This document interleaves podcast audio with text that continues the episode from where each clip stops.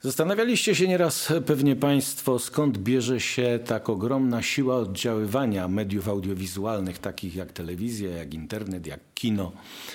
Y, ja, na czym polega ta siła y, przekonywania tych, tych y, środków i ich wpływ?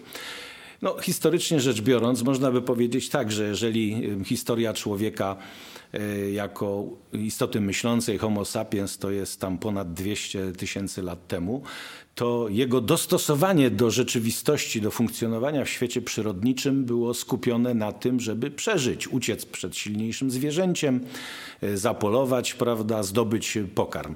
E, człowiek wykorzystywał tutaj cechę, którą inne organizmy nie mają, czyli umiejętność myślenia, a przede wszystkim wyobraźnię i dzięki temu mógł uzyskać takie, a nie inne efekty, być tym najbardziej dominującym gatunkiem y, na świecie.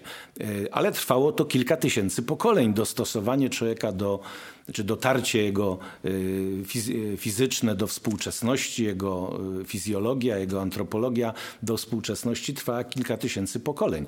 Tymczasem media audiowizualne pojawiły się około 150-160 lat temu, gdzieś z początkiem fotografii, później ze z początkiem kina 1895, pierwszy pokaz filmu braci Limier.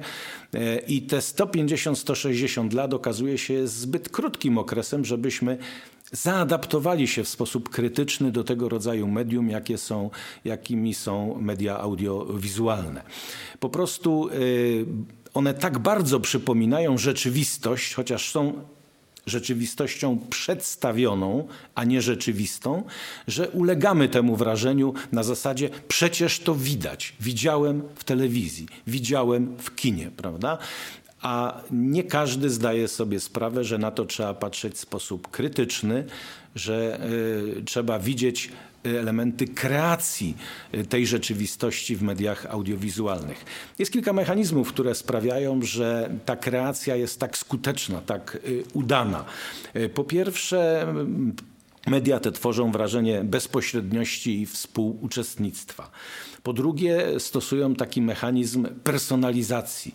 Pokazują pewne problemy za pośrednictwem konkretnego bohatera. Mówią do nas tak, jakby mówiono specjalnie do nas, podczas gdy w rzeczywistości e, ten przekaz jest adresowany przecież do wielomilionowej widowni. Innym takim mechanizmem, który e, powoduje, że siła oddziaływania mediów jest skuteczna, e, to jest tak zwana e, agenda, budowanie agendy. Jest to termin wywodzący się z języka angielskiego, agenda setting of media influence, czyli nie ma dobrego tłumaczenia na język polski. Budowanie struktury dnia, przekazu informacji. Mówiąc takim językiem bardzo kolokwialnym, bardzo potocznym, jeżeli czegoś nie ma w mediach, to o tym nie wiemy i nie rozmawiamy i nie dyskutujemy.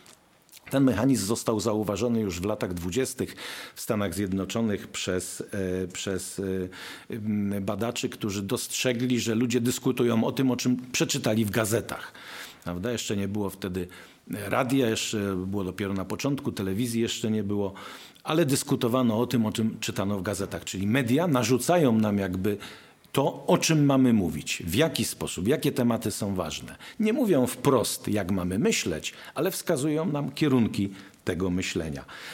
Kolejnym takim mechanizmem jest mechanizm y, ramowania z angielskiego framing.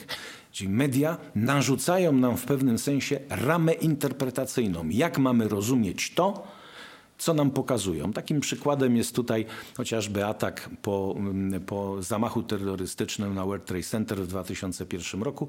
Amerykanie zbudowali powszechnie jakby przyjętą w świecie poprzez media narrację, że atak na Irak to zwalczanie terroryzmu, podczas gdy e, w Iraku tych terrorystów nie było, nie było tam też e, broni atomowej ani broni chemicznej, nigdzie tego nie znaleziono. Natomiast ukryto poprzez odpowiedni przekaz, odpowiednią propagandę medialną, ukryto rzeczywiste cele, którymi było zdobycie dojść do źródeł e, ropy naftowej przez wielkie koncerny amerykańskie, tak jak Chevron czy Halliburton. Także to są mechanizmy, które powodują, że oddziaływanie mediów jest nieprawdopodobnie e, skuteczne. My jesteśmy skłonni wierzyć w to, co media nam pokazują. W kolejnym e, podcaście opowiem Państwu, w jaki sposób powstaje tak naprawdę informacja medialna.